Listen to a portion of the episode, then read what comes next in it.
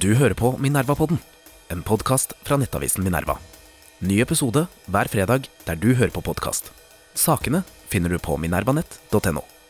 Hei og velkommen til Minerva-podden. Mitt navn er Nils August Andresen. Jeg er ansvarlig redaktør i Minerva. Og med meg i dag har jeg for aller siste gang deg, Aksel Fridstrøm, vår nyhetsredaktør. Velkommen. Jo, takk for det. Veldig hyggelig å få være her for siste gang. Du, nå må jeg spørre, Hvorfor er det siste gang? Har du gjort en så dårlig jobb at du ikke får lov å være med? Hva, hva er egentlig årsaken? Eh, nei, det er ikke det. Eh, Jeg har eh, fått en annen jobb.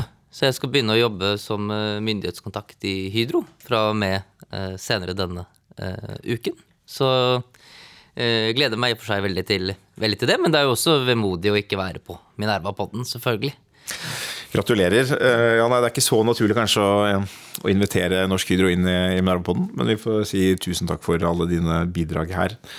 eh, Her så langt, Men eh, du er ikke ferdig med Nerva ennå. Her er det ikke noe ferie mellom jobber. eller noe sånt. Her, vi er ikke sosialdemokrater. Vi jobber to the bitter end. Så vi jobber i dag, vi jobber i morgen. Vi, vi, du jobber fortsatt med en sak som skal publiseres.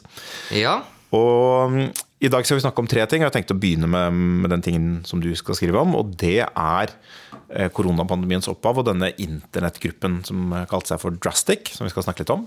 Men vi kan gi noen smakebiter på hva som kommer etterpå også, for det er nemlig et nytt stort intervju med John Mersheimer, den store realisten i utenrikspolitisk tenkning, som har tatt grundig feil om Ukraina tidligere, og fortsetter å gjøre det. Det kom et nytt intervju forrige uke som vi skal snakke om.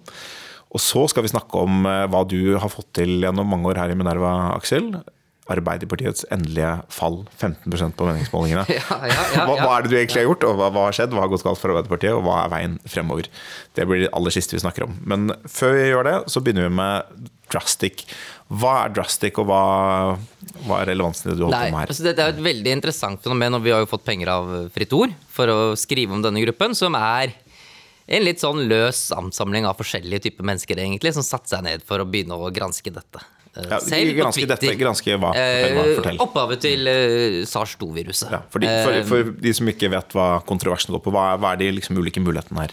Nei, altså Den ene muligheten er jo en uh, naturlig overføring, slik som uh, alle andre epidemier, mer eller mindre. Kanskje med, no, med, kanskje med et unntak i historien er et resultat av det. Fra dyr til mennesker ute i naturen. Ja. Mens den andre er en eller annen form for forskningsrelatert hendelse. Hvor det da er i tilknytning til dette forskningsmiljøet i Wuhan at enten et eh, helt naturlig virus har lekket ut, altså de samler jo inn prøv, virusprøver i naturen og studerer dem og sjekker på dem, eller at det er et, et modifisert virus. At det er et virus som de har gjort litt endringer på med moderne virusteknologi. Da, syntetisk Jeg jeg, biologi. la meg bare si helt kort uh, før du går videre, Aksel, at det er jo grunnen til at dette dukker opp, er jo også at eh, epidemien begynte jo i Wuhan, som ligger eh, flere tusen kilometer fra de områdene der den, disse flaggermusvirusene vanligvis opptrer, den type som, som SARS-CoV- SARS-CoV-2 er. Eh, Wuhan er også senter for det største koronavirusforskningsinstituttet i verden. eh, Hvor de har mange virus av den typen, og hvor vi nå vet, og det kan du si litt om, at det også har vært gjort en del forskning på, på, som kunne ha ført til den- denne typer virus. Så Ja. derfor, er, derfor begynte man jo å mistenke det, men til å begynne med så var det ingen som Så, så var altså forklaringen at det var zoonose, altså fra dyr. og hvordan utviklet Plastic seg når det var liksom den offisielle forklaringen? Nei, og det er jo da Jeg har jo snakket da med fire-fem aktører i, i dette Drastic, da. Som er, de er jo litt forskjellige typer. Men det primære er at eh, mange av dem mente at eh, denne teorien ble, veldig, den ble avskrevet veldig fort. eh, med ganske dårlige argumenter. Altså det var eh, typisk bare et opprop som kom i Lancet, hvor en del forskere bare på det sterkeste liksom fordømte denne konspirasjonen da, om at dette kunne være en forklaring, uten å egentlig gi noen, noen grunn for det. Eh, og så er det jo slik at eh, når de, disse ulike aktørene forsøker å få dette diskutert, litt på forskjellige ulike plattformer, på Reddit eller hvor det måtte være, så blir de også sensurert. Mens de eneste som ikke sensurerer, er Twitter. Og derfor finner også disse sammen på Twitter og egentlig lager sitt eget granskningsmiljø. Dels fordi at eh, det er sensur på andre plattformer, så det er der de blir eh, samlet. da. Og hva slags folk er dette? Er det Det er, veld, det er veldig forskjellige typer. Så det er eh, Noen av dem er eh, De er åpenbart liksom eh, veldig nyanserte, veld, veldig intelligente. Mens andre av aktørene har si, mer, mer sånn agitatorlignende eh, fremferd. Og, Eh, og noen av dem igjen vil jeg si at er liksom de er de, de er rene konspirasjonsteoretikere. Da. Altså, det er ikke bare at det et, at et uh, forskningsrelatert hendelse liksom er, er, mulig, men det, går liksom, det bikker veldig mye over i mistro mot absolutt alle, alle myndigheter, ikke bare kinesiske myndigheter, og at alle legemidler mot SARS-2 er feil og den type ting. Da. Så det er en veldig vanskelig gruppe å, å jobbe med, fordi at uh, de uh, gjør, Noen av dem gjør arbeider som er veldig gode, nøyaktig, hvor de ikke strekker konklusjonen for langt. Men så er det jo også veldig mange aktører som er med, som skaper et veldig komplisert bilde, som produserer masse uh, informasjon som er ja, mer misledende, da, mer ned den konspirasjonsteorigaten. Så de som vil kritisere dette miljøet for at de bare produserer konspirasjonsteorier, får, får også litt rett, da. Ja, for Da blir det sånn at de fremmer på mange så mange forklaringer at alle sammen kan i hvert fall ikke være riktige samtidig. At jeg er på det mer interessert i å vise at å bare vise det, en det er en konspirasjon et eller annet sted. ja, altså de, du kan jo si at de har jo helt, sikkert, de har jo helt sikkert feil. For eh, jo, jo flere teorier eh, du lanserer, og jo mer konkret teorien din er, Eh, eh, selvfølgelig, altså, Det er bare én konkret forklaring som kan være riktig. Så hvis du har kastet opp 20 hypoteser, så har du tatt feil 19 ganger og kanskje potensielt rett én gang. Eh, men i det store bildet så Uh, hvis en lablekkasje blir dokumentert, så vil de jo ha fått rett i det store bildet, selv om de har kastet ut alle disse rare forklaringene også. Men, men fortell om denne gruppen. Altså, det, er, det, er, en gruppe som, uh, som, vokste frem våren 2020. Uh, og, da var det jo sånn at liksom, den informasjonen som kom fra offisielt hold, var at det sannsynligvis var zoonose, overføring fra, fra dyr, man snakker om dette markedet i Wuhan, det var den sannsynlige kilden osv. Og, så, og det er det jo mange som mener fortsatt, men denne teorien om, om laboratorielekkasje, den Eh, den ble på en måte tatt inn i varmen eh, etter hvert, i den grad og i den forstand at f.eks. For WHO-sjefen eh, var ute og sa at den er mulig, Tedros. Og lederen for Lancet-kommisjonen, Jeffrey Sachs, mente at dette er mulig, sannsynlig.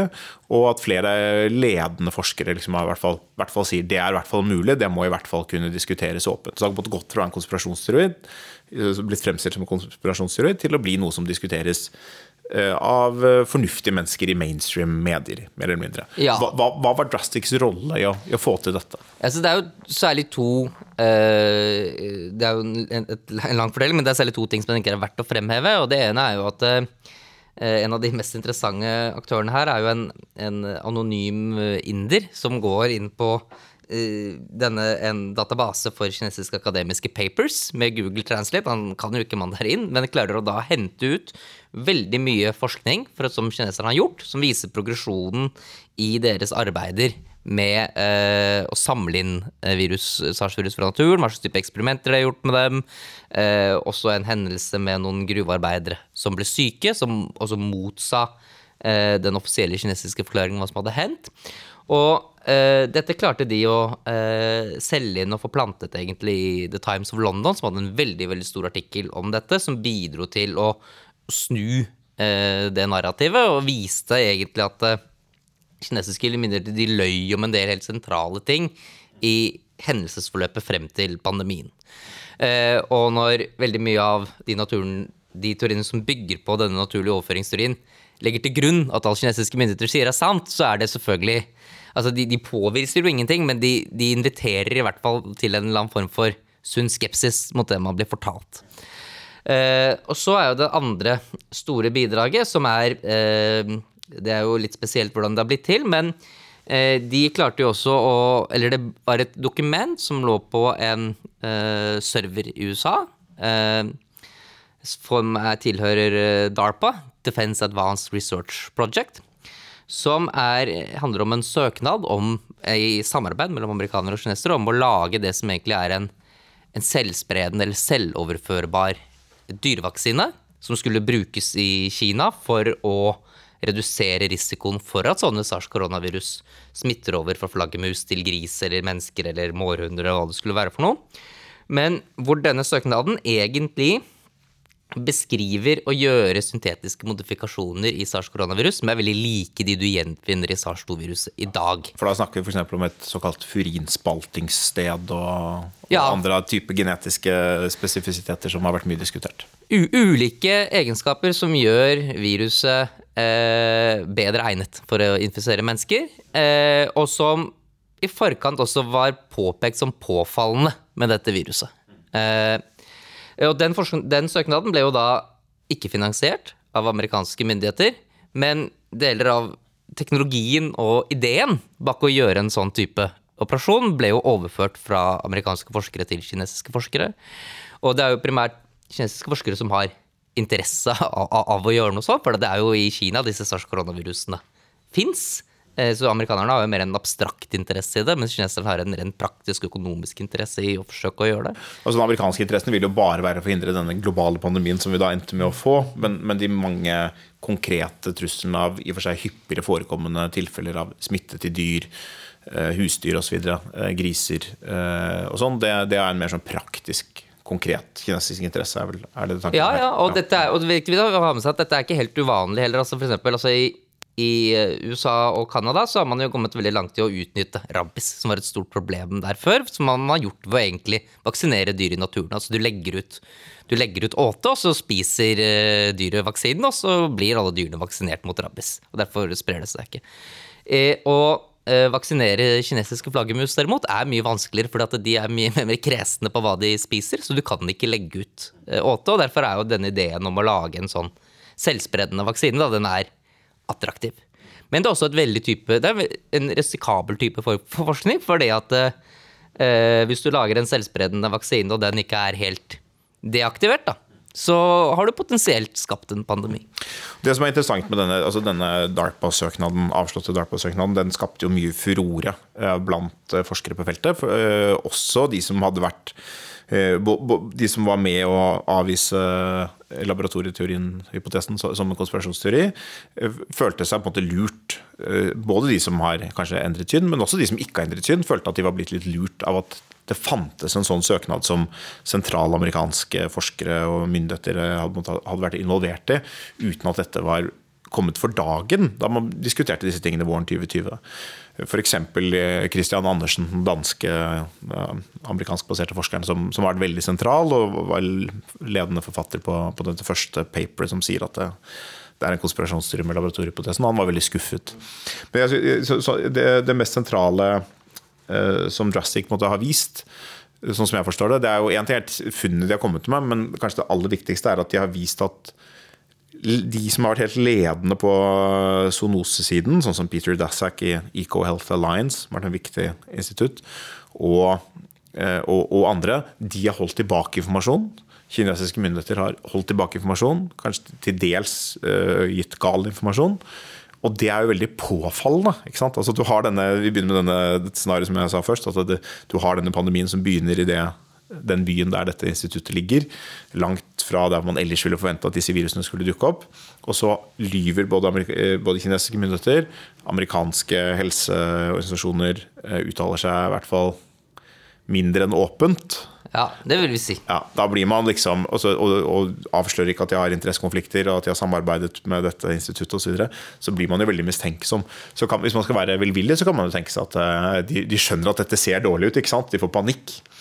De holder det tilbake, selv om de ikke er skyldige. Sånn er det ofte. At folk som mistenker at de kan bli sett på som skyldige, de lyver mye mer enn de burde. Det kan være. Eh, Men det er veldig påfallende. Ja, og det kan jo være at eh, han eh, Dashak som har skrevet denne søknaden, det kan jo være at han er vel så mye ute etter å lure seg selv som han er å lure alle andre. ikke sant? Altså Hvis, hvis jeg hadde skrevet en sånn søknad om, og sammen med kinesiske forskere om å lage et akkurat sånt virus, og så blir den ikke finansiert, og jeg jobber ikke videre med det, men jeg har jo involvert noen i en eh, prosess for, for å gjøre disse tingene, og så plutselig så dukker det opp på dørstokken til det laboratoriet i 18 måneder etterpå. Altså, da ville jo jeg også likt å tro at min søknad ikke var relevant. Ja. Men det kan han ikke vite. ikke sant? Det kan du umulig vite. De amerikanske kan kan umulig vite om kineserne gikk videre med å gjøre denne type eksperimenter. Og det som er interessant er at eh, koronavirusstudier, og spesielt da denne type undergruppen av koronavirus, eh, Sarbeco-virus, det Eh, det var ikke noe sånn stort felt globalt før pandemien. Eh, det var ikke masse masse eksperter på dette feltet. Det virker som de aller fleste ekspertene kjente hverandre, har jobbet sammen, kommer fra en bestemt tradisjon, de har holdt på mye med den samme type forsøk og er opptatt av at de skal være tillatt, og at de skal få finansiering og, og sånn. Og så eh, kommer denne pandemien, og da er jo på det alle sammen er en viss forstand implisert. og Hvis de ikke er implisert, så er det i hvert fall gode venner som er det. Og de, jo, de fleste av disse ekspertene var jo både venner av i hvert fall gode profesjonelle bekjente av ledelsen på dette instituttet i Wuhan, altså den kinesiske delen av dette. Så ja. det er jo ikke noe hyggelig å tenke at det har gått galt, og det er jo heller ikke noe hyggelig å tenke at de eventuelt lyver. Og utføringen og det kan jo hende de har rett i det, at de kjenner dem så godt at de vet hva som er hva, eh, men det er også krevende i et land som Kina med et så autoritært styre å vite hvem som lyver og ikke lyver, og hvem som er presset eventuelt til å lyve. Og, og, og løgnen kan jo skje på mange nivåer, så du vet aldri helt hvem som vet hva heller. Nei, og organisasjonen er ikke transparent. Ja, og jeg tror det var ikke i, Under Tsjernobyl-ulykken så var det vel slik at det var deler av ledelsen i det, det svetiske kommunistpartiet som fikk vite om ulykken da de så på svensk TV. Ikke sant? Så det er, det er ikke noe det er ikke noe vanskelig å se for seg at denne type ting kan skje i et uh, kinesisk laboratorium. Og den som står for lekkasjen, trenger jo ikke vite selv at det har pågått en lekkasje. Uh, og at den informasjonen ikke flyter helt opp til toppen av uh, den altseende kinesiske kommunistpyramiden, det er ikke noe vanskelig å se for seg. Mm. Men vi har skrevet mange saker om dette. Vi, vi har skrevet om uh, DARPA-paperet, hvordan den lekkasjen skjedde, som er en veldig spennende historie. Vi har skrevet om The Seeker, uh, denne indiske fyren som gro frem alt sammen. Og så skriver du en siste artikkel nå. Hva, hva, den, hva skjer der? Den handler om uh, hvordan Kina har holdt seg med to databaser for smittetilfeller. Eh, en som ble vist frem for WHO, men også en annen en som de har. Som man vet at det finnes fordi at kinesiske forskere på kinesiske paper har sitert fra denne andre databasen.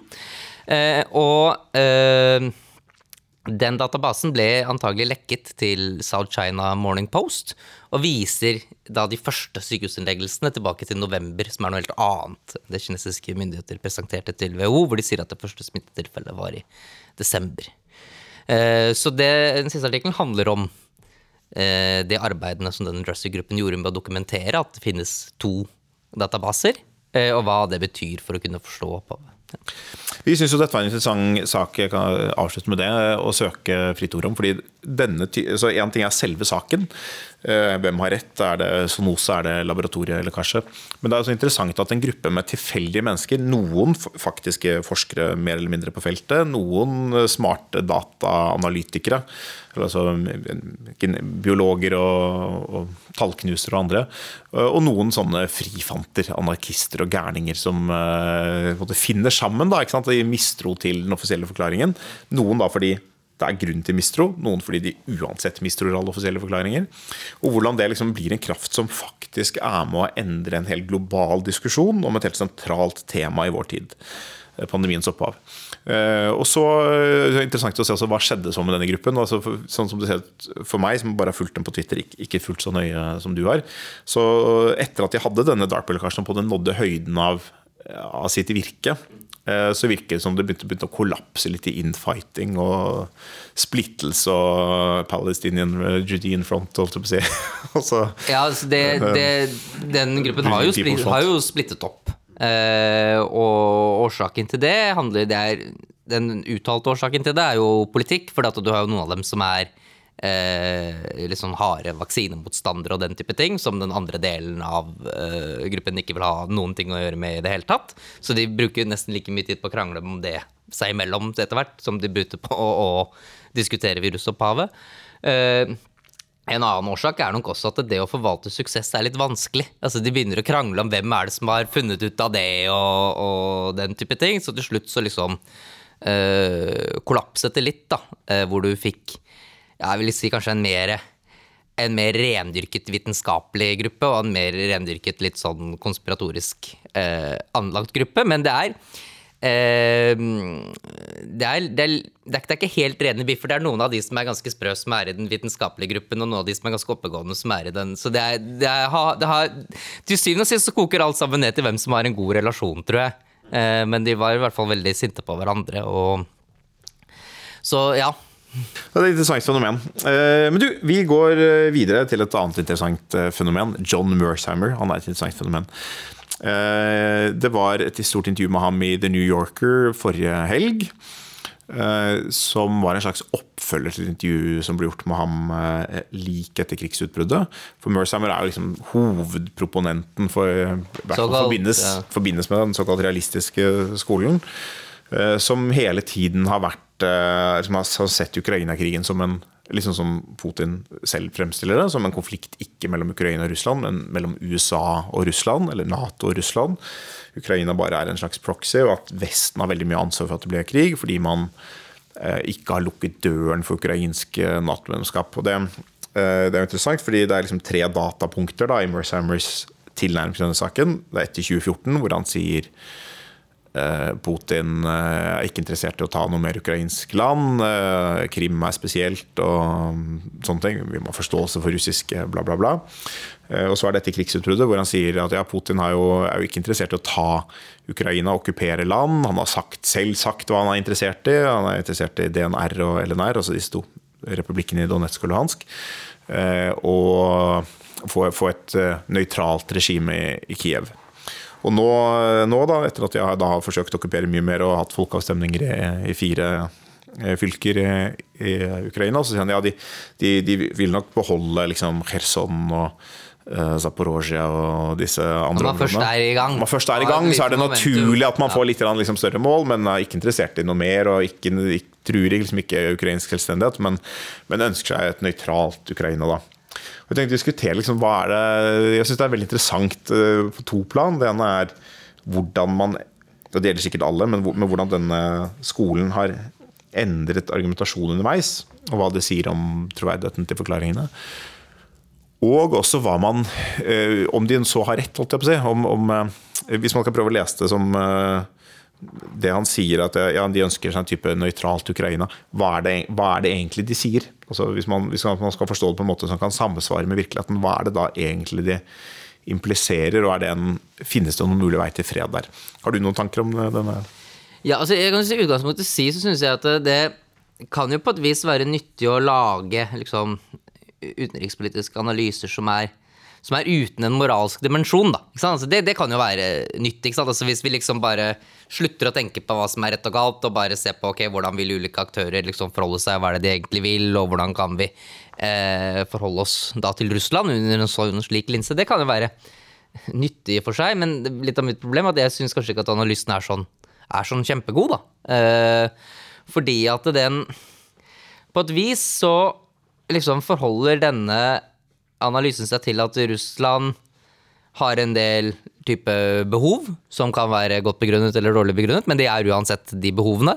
Og at alle andre må uansett forholde seg til de behovene, uansett hva slags type konsekvens det har for de som må forholde seg til Russlands behov. Og at Russland Eh, ikke må forholde seg til noen, noens noen behov. andres behov. Ja. ikke sant? Så det er en eh, Når du lager en analyse på den måten, så blir det en veldig eh, ensidige analyse. Og den blir også litt gal, fordi det, det er ikke slik at det, det eneste landet i verden som ikke kan endre sine behov eller endre sin atferd, er Russland. Da? Det er ikke sånn at alle andre lands utenrikspolitikk bare skal rotere rundt Russlands behov.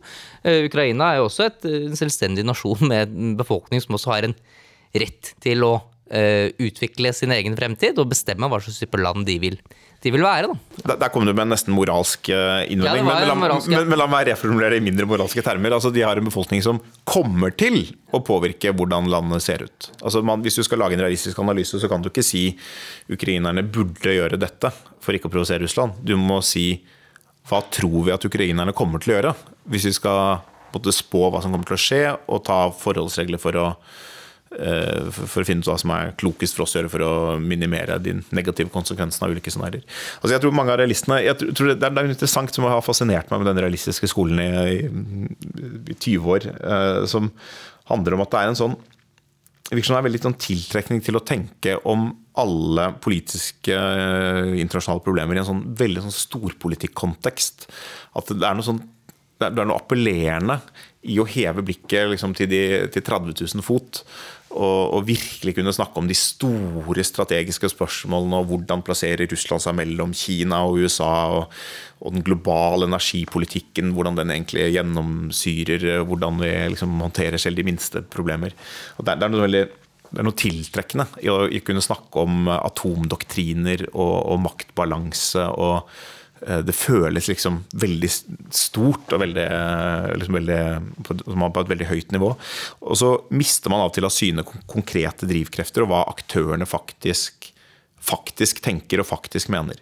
Og En annen utfordring med, med realpolitikk som, som doktrine er at den, den postulerer jo i veldig stor grad motivasjoner til de ulike landene eh, som eh, ikke så veldig stor grad tar inn over seg den lokale konteksten, og heller ikke tar inn over seg beslutningsprosedyrene.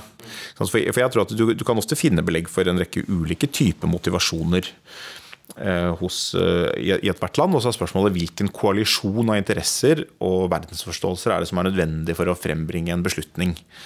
Uh, og I det russiske tilfellet så tror jeg for eksempel, altså jeg, jeg tror Det finnes jo mange som absolutt tenker strategisk, uh, men, men, det er vanskelig å skjønne politikken uten den Eh, imperialistiske forståelsesrammen og emosjonelle drivkraften. Altså på en over at Ukraina er uavhengig, f.eks. Men for å gå litt med, med detalj på det, Noen av de interessante tingene som kommer frem i intervjuet, det er at han han er veldig opptatt av hvordan, hva russiske ledere har sagt for at vi skal forstå deres motivasjon. Så han sier at de er bekymret for Nato. Jeg skal komme litt tilbake til hva, hva han legger i det. Men hvordan vet vi det? Hvordan vet vi at ikke det er noe han bare sier, mens egentlig er en imperialist? Og da har Mersheimer et syn om at uh, det, det, bygger han på, på sin egen tese, om, som han har skrevet en bok om, om at statsledere sjelden lyver om internasjonal politikk. Så han, han forutsetter at Putin er ærlig. Og så får han noen sånne kritiske spørsmål. da, liksom var var eh, Hitler ærlig i München i 1938? Var Putin ærlig eh, i desember 2021 eh, når han sier at det er bare en militærøvelse? Og sånne ting. Og da han liksom, trekker han seg litt unna, svarer ikke konkret på det spørsmålet, men han er liksom veldig opptatt vi, vi må tro om når han sier dette. Og jeg synes Det er veldig interessant, for det, det illustrerer litt sånn hvordan man nettopp ikke går inn i de konkrete diskusjonene som en russlandskjenner vil måtte gå inn i. Da. Som f.eks. har som et premiss at russisk utenrikspolitisk kommunikasjon står i en tydelig tradisjon som har veldig klare mål for hva den ønsker å oppnå i Vesten. At man ønsker å styrke de vestlige kreftene som vil ha avspenning, trekke styrker tilbake fra grensen, som vil, kan splitte alliansen, øh, som kan få, folk til nedrustning i Vesten. Det er ting man hele tiden ønsker å, å spille opp. Øh, de som ikke vil ha sanksjoner. De som, det, man har hele tiden det som et veldig viktig mål. Og Da må man jo vurdere kommunikasjonen fra Russland om Ukraina, også mot hvorvidt den er egnet til å få dette til. Samtidig så er premisset liksom helt sånn spinnvilt. For hvis du sier eh, vår røde linje er Nato i Ukraina, så bør du helst mene noe med det. Ellers er det irrasjonelt. Det er dumt å si det hvis det ikke er en rød linje. Altså Hvis Nato kommer dit og gjør ingenting, så er det mister du troverdighet. Det, det, kan i og for seg være en trussel som du ikke følger opp, men, men det har i hvert fall en nedsiden at du mister troverdighet. Eh, men det er også dumt ikke å si det, hvis det er sånn. At Hvis Nato ekspanderer til Ukraina, og så føler du deg tvunget til å gå til krig, men du hadde ikke sagt fra. Det er også dumt. Så, det å, så jeg synes det er interessant å diskutere liksom, hva ligger i dette premisset om at, uh, na, at Russland frykter uh, Nato-tilstedeværelse i Ukraina. Fordi det, det ligger på en måte i kjernen av hele denne debatten. Er Russlands sikkerhet truet av Nato? Har vi Eh, har vi arrogante i Vesten både misforstått hvor utsatt Russland føler seg. Og jeg synes Det denne krigen har tydeliggjort, og som har vært tydelig egentlig veldig, veldig lenge, det er at når Russland sier at de frykter Nato i Ukraina, så er det mer eller mindre direkte i den betydningen at det ville hindre dem i å gjøre det de gjør nå. Altså De blir fratatt handlingsfrihet til å bestemme over sine naboer, som de opplever som sin rett. Ja, og I tillegg så er det også et problem for dem hvis Ukraina blir et vellykket ja. russisklignende folk enn en Russland, som også er en risiko ja, for Russland. Ja, Så de opplever det som en risiko i den forstand at det kan, eh, hvis det blir et vellykket demokrati, så kan det føre til mer eh, protester mot det russiske regimet. Det er en mulighet. Eh, men jeg opplever det også som at de selv nesten Jeg tror i og for seg det er ganske viktig, men, men selv uten det, så er liksom bare det at de ikke har handlingsrom, det handlingsrommet de ønsker i sine nærområder, til å påvirke og styre den politiske utviklingen, det oppleves som en trussel. Og Da skapes umiddelbart et problem. eh, fordi når Merzheimer sier, Mersheimer sier jo egentlig veldig direkte rett ut at han kaller det et nøytralt regime, men det er et nøytralt regime som, eh, som må ta hensyn til russiske interesser, som han formulerer det. Eh, Og det tror jeg har en både utenrikspolitisk side og en innenrikspolitisk side. Og det betyr at Ukraina er et lydrike. Altså det, er ikke, det, er jo ikke sånn at dette nøytrale Ukraina igjen altså Det er hele tiden Russlands interesser som hele tiden må pleies. Det er jo ikke sånn at han sier ja, Ukraina må også da ta hensyn til Vestens legitime interesser og liksom, verdier. Det blir jo aldri sagt. Nei, nei, nei. Eh, Så, så det, er, det er helt åpenbart at det er, en, at det er et russisk lydrike. Og russisk utenrikspolitisk doktrine anerkjenner på en måte ikke selvstendige, nøytrale stater.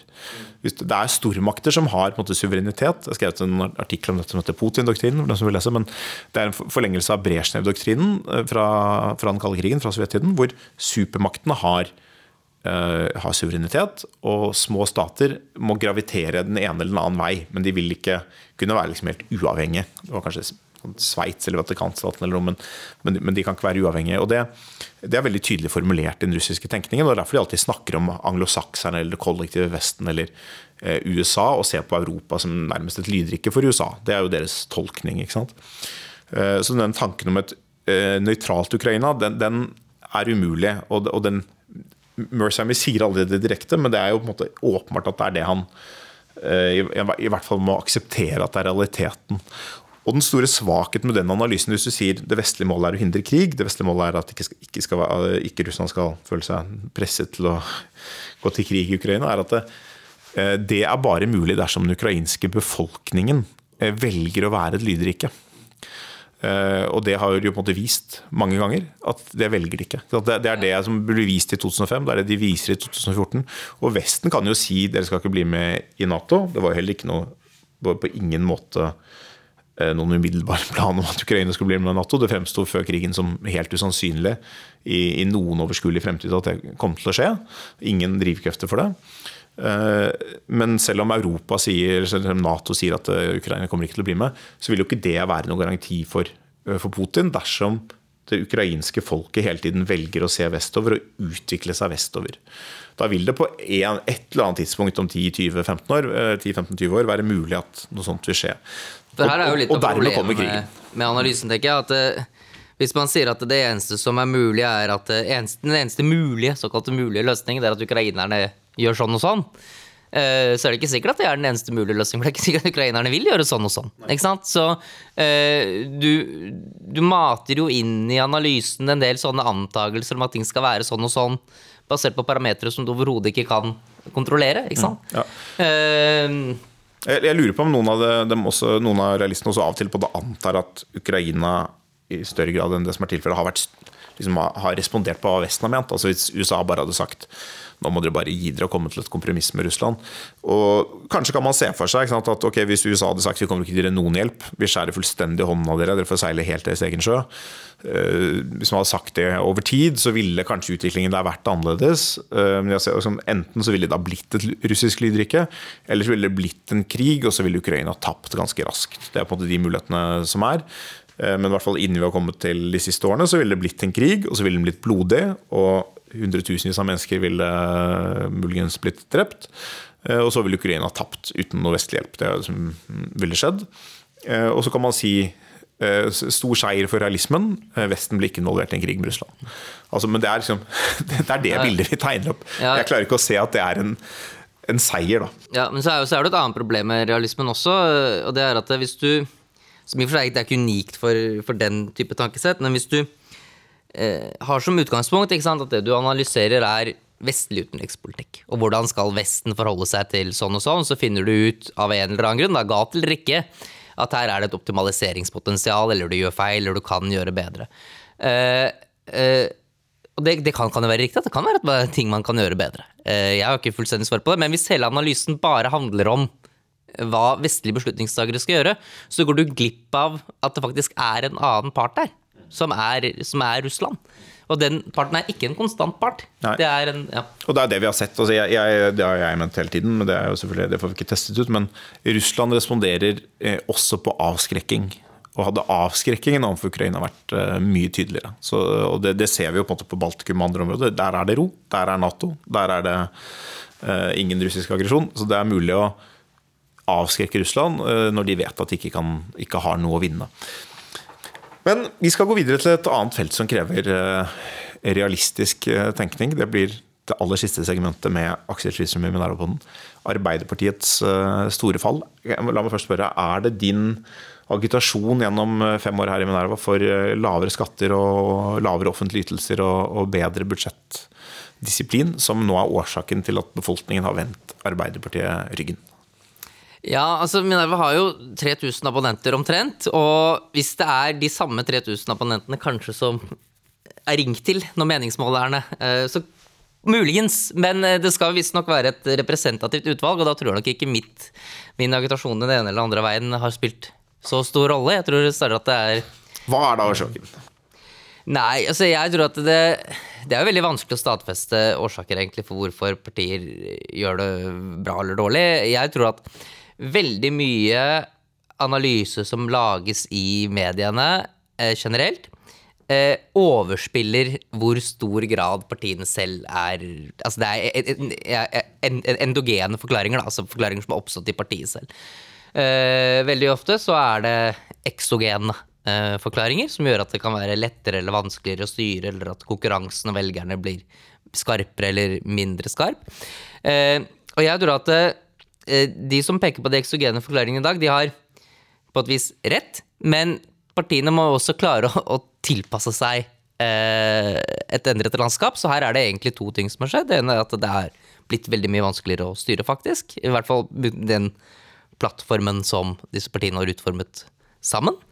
Eh, og at de heller ikke har klart å, å rekalibrere seg eh, for å fange opp en annen virkelighet. Utgangspunktet for, for, denne diskusjonen, eh, i hvert fall i, på Facebook siste uken, har vært et innlegg fra Trygve Svensson i Agenda, som har skrevet en lang artikkel som kort kan oppsummeres som at Arbeiderpartiet har ikke gjort noen ting galt, men økonomien er dårlig, med høy rente og høye energipriser, og derfor det er årsaken. Uh, og det er, sånn, uh, det, det er jo sånn som kan ha noe for seg, av de grunnene du sier. Samtidig som det er litt sånn når en Ap-tenketank skriver en sånn artikkel Arbeiderpartiet har ikke gjort noe galt, vi har tvert imot sørget for massiv omfordeling og, og by og land hand i hand, så blir man litt sånn uh, altså det, det, er sånn partiene alltid svarer. Hvorfor går det dårlig på meningsmålingen? Nei, vi har ikke vært flinke nok til å, å formulere budskapet vårt. Ja, sånn. Jeg syns at Arbeiderpartiet selv har mer nyanserte analyser av egne situasjoner enn, enn det Svensson har. altså det første man må vite om politikk, er jo sånn grunnleggende sett at de politiske partiene ønsker å være populære. Ok, Hvis de får mindre popularitet, så betyr det at, de ikke, at det ikke nødvendigvis er, er optimalt. Så, så, det er jo utgangspunktet. Så du kan, du kan, ikke si at alt er perfekt hvis du ser den type ting. Du må ha en eller annen form for kjelegranskning. Eh, så det å bortdefinere problemet er i hvert fall ikke noe noe hjelp til å, til å komme ut av det. Nei, eh, Det som er interessant med Arbeiderpartiets velgere, er at de de, de, blir rammet eh, av sånn som de forstår, Jeg tror mange partier forstår selv, så blir de veldig hardt rammet av strømprisene og renten. Og spørsmålet hva, hva kan du gjøre med det?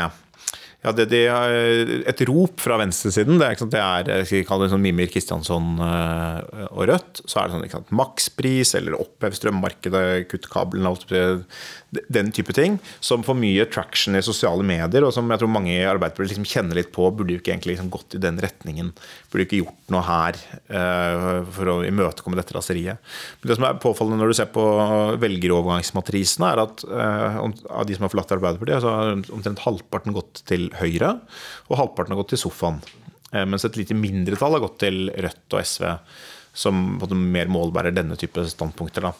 Så, og så kan det ha mange årsaker. og Jeg, jeg tror en av årsakene som, som gjør det veldig krevende å analysere, analysere velgerne, er at uh, Dette er et poeng jeg har lånt fra deg, bare for, for å si det. men det er at uh, politikerne sitter og tenker mye på policy. Vil velgerne ha makspris på strøm, eller vil de ha strømstøtte? Hvilket nivå skal den være på? Skal det være 90% 80% etter 70 øre, etter 35 øre? Skal vi gjøre noe med kablene? Skal vi ha en mer aggressiv posisjon overfor ACER? Og, liksom, altså, de er liksom på det nivået. Mens de flette store flertallet av velgerne er, er lite policyorienterte. Altså de er, de er orientert mot det som faktisk rammer dem, det som faktisk berører dem. De ser strømprisen. De vil, Ja, ja. de vil gjerne at noe skal gjøres. Det er ikke så nøye hva det er som gjøres. Hvis de får spørsmål om makspris, så svarer de gjerne ja. Men det betyr ikke at det er det de egentlig ønsker seg. De ønsker seg bare at noen skal gjøre noe, og at de skal føle seg trygge på at noen gjør noe. Og det tror jeg kanskje er en av de, Hvis jeg skal spekulere litt, så tror jeg en av de tingene som Arbeiderpartiet som, som kan forklare dette med sofaen og Høyre, eh, som på en måte er kontraintuitivt, at folk skal gå til Høyre hvis, hvis det de er sinte for, er eh, De vil egentlig ha makspris. Nå tror ikke det er det, men, men la oss si at det er noe sånn. Så er det det at eh, i møte med en krise så opplever ikke befolkningen at Støre har en plan og en vei ut. Uavhengig av hva den er, liksom. Og, og der, eh, Det kontrasterer litt med Erna Solberg og liksom, som hadde pandemien. At det fremsto som her er en plan, dette er det vi gjør. Uh, klare klarer å skape den tryggheten. Det vil i så fall også forklare da hvorfor eh, den danske eh, sosialdemokratiske statsministeren har lykkes i å opprettholde og til og med gå frem på målingene eh, og over valget nå i år. eh, I en økonomisk situasjon som jo er egentlig den samme som i Norge, bare med litt mindre muligheter til å gi strømstøtte. Men det er en viktig eh, forskjell her også, og det er jo særlig i, i eh, Danmark. Da, hvis eller det, noen av de vanskeligste tingene for norske politikere historisk sett å håndtere alltid er liksom, det er strømpris. Strømpriskrise er et kjempevanskelig problem for politikerne. Det er det samme som higher gas prices i Amerika. Da blir de helt gærne ikke sant, og surrer på det. Forståelig nok i og for seg, for det er ikke så, jeg liker ikke å få stor regning. Så det er det, er jo uunngå- rart det er noe eh, velgerne ikke kan unngå. Ikke? Det er Ja. det rammer alle.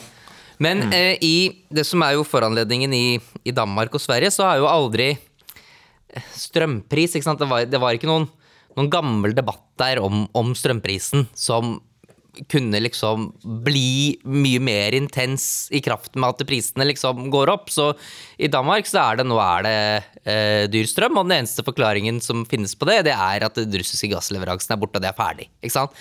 Mens i Norge så er det også en debatt om hvor integrert skal man være mot det europeiske kraftmarkedet.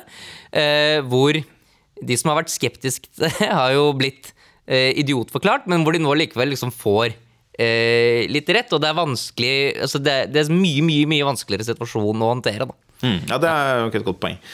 Så eh, Hvordan klarer vi å oppsummere dette? Det er at eh, fordi Arbeiderpartiet ikke går inn for redusert formuesskatt, så har de falt på målingene? Nei, nei, det var det. Nei, nei, ja, det Men er det noe de kunne gjort annerledes, er spørsmålet. Altså, i, i Gitt at bakteppet er det, vi har hatt en diskusjon om strømprisene egentlig i ti år, eh, kanskje mer, men om, om kabelen og tilknytning til det europeiske markedet og sånn. Uh, og Arbeiderpartiet kommer inn med sine løfter og by og land og utjevning og sånn, og så får de den situasjonen. Er det noe de kunne gjort annerledes? På strøm så mener jeg at de kan ikke gjøre så veldig mye annerledes, egentlig. Eh, Eller jeg, det var jo det jeg har ment selv, da, at det å, å være tilknyttet og gi strømstøtte er, er den, den beste løsningen. Eller den beste av mange, mange dårlige løsninger på, på dette problemet. Eh, og det er vanskelig å se for seg hva et alternativ til dagens kraftmarked egentlig skulle vært. Eller hvordan man kunne koblet seg av det europeiske markedet uten uh, veldig uforutsigbare konsekvenser uh, for Norges relasjon til våre nærmeste naboer. Så jeg tror ikke de kan gjøre så veldig mye annerledes øh, på det. øh, men jeg tror at det, det situasjonen man er inne i i dag, er en situasjon som har mye hvor folks privatøkonomi blir, blir viktigere. Eh, og det handler om å, å forstå det, eh, og utvikle politikk for det, slik at folk ikke ser at de opplever at de blir betydelig fattigere. Og hvis de da ikke kan gjøre noe eh, veldig annerledes på strømmarkedet, så må det være et annet politisk virkemiddel som kommer inn og løser den grunnleggende bekymringen. Jeg tror det er, det er noe for seg, men jeg vil nyansere litt det med altså, hva kunne man gjort annerledes på strøm. Jeg, jeg, I policy så er vi enige, vi har diskutert dette flere ganger før. Det er, eh, hadde vært vanskelig å gjøre noe fundamentalt annerledes i løsningene.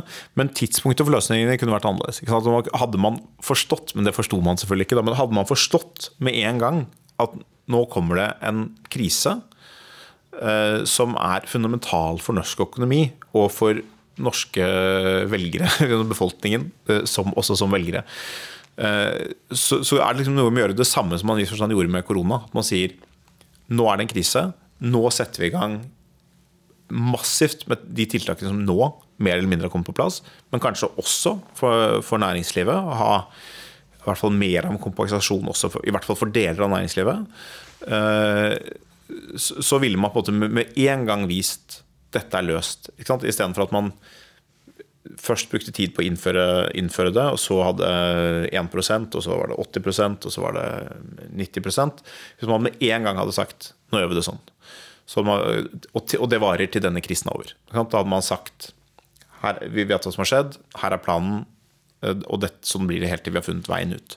Så ville man skapt mer ro. Jeg skjønner jo hvorfor det ikke ble sånn, men, men det, det, handler litt om bare å underbygge det jeg sa i sted om at uh, Jeg er enig at det er en forskjell fra Danmark, men det der å kunne peke ut en retning er særlig viktig i kriser.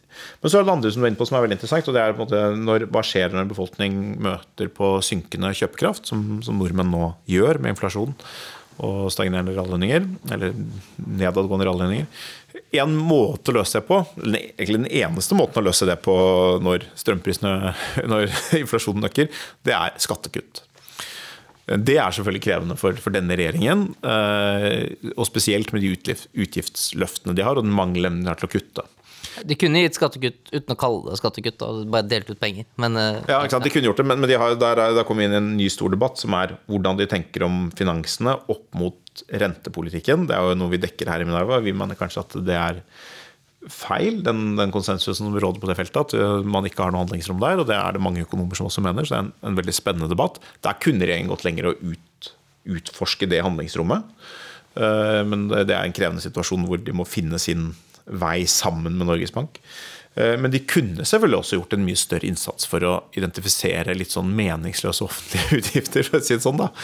Nettopp i lys av situasjonen, ikke sant? og sier at vi vi skrinlegger mye flere samferdselsprosjekter, f.eks. Eller vi skrinlegger en del vi, vi en, vi, For man sier jo det er press i arbeidsmarkedet. Det er en av årsakene til at renten må opp. Og man da sier ok, vi kutter en del av de milliardene som går til, uh, går til frivillige organisasjoner, uh, den type ting, som, som da ville frigjort arbeidskraft som kunne gått inn i mer produktivt arbeid, gjort veldig stor nytt for seg, bidratt til å dempe inflasjonen, og som kunne gitt skattelette til folk. Nå drodde jeg litt, men, men, det viser at det er sånn, når du skal gjennom en sånn krise som, som dette her, så må man eh, i hvert fall gi en analyse, da, sånn som vi gjør nå. Man kan godt gi den eh, grundigere og basere den på utredninger, og sånn, men man må gi en analyse av hva er det fundamentalt som har endret seg med denne krisen. Og jeg tror at Det som endret seg med denne krisen for Norges del, er én, vårt forhold til strøm har på, i, hvert fall, i hvert fall midlertidig, kanskje permanent, endret seg. Det krever en en tydelig analyse av hvordan vi kommer fremover.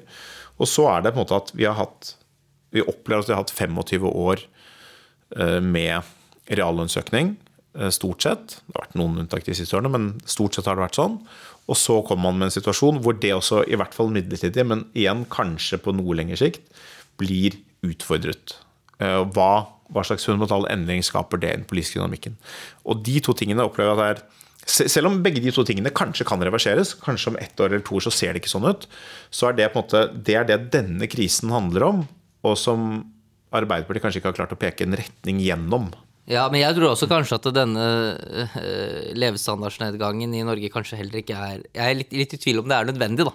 Altså Norge blir jo også steinrikt som ja. følge av uh, altså prisveksten, eller altså si veksten i norsk BNP, når du får med eh, økningen i gassprisen, det er jo, tilsier jo faktisk at vi snitt blir veldig mye rikere. Så hvorfor vi skal gjennom egentlig en litt sånn politisk indusert resesjon eh, for å løse det, er jeg, jeg, er ikke, jeg, er ikke, jeg, er ikke, overbevist om at det er sånn. Og jeg tror at uh, dette er noe som liksom ja, det er noen modeller som ligger i, liksom, i det norske byråkratiet som man ikke helt har man, Det er mulig å utfordre forutsetningene i, for å si det sånn. Absolutt. Uh, det, og det, dette skal vi følge med Nerva fremover. Vi har skrevet om dette. Dette er jo hele inflasjonsdebatten. Uh, hva som er nødvendig og hva som ikke er nødvendig, som vi skal følge. og Eh, men utføringen her det tror jeg har vært at det er, dette, dette er det ikke bare Jonas Gahr Støre og, og, sentralbanksjefen som har denne, dette synet. Dette, dette er hele regimet som ligger som en bunnplanke i norsk politikk, og som, som, Støre pleier å si, som har tjent oss vel i 30 år. Men det er ikke sikkert de gjør det akkurat nå. Og det, det å utforske det handlingsrommet, det er, det er, spennende. For å finne ut mer om det, så må du fortsette å lese Minerva til og med etter at Aksel har begynt i Hydro. Men med det så tror jeg vi, vi takker for oss, og takker jo. for deg, Aksel. Tusen takk. Takk for meg. Ja. Ha det godt. Adjø.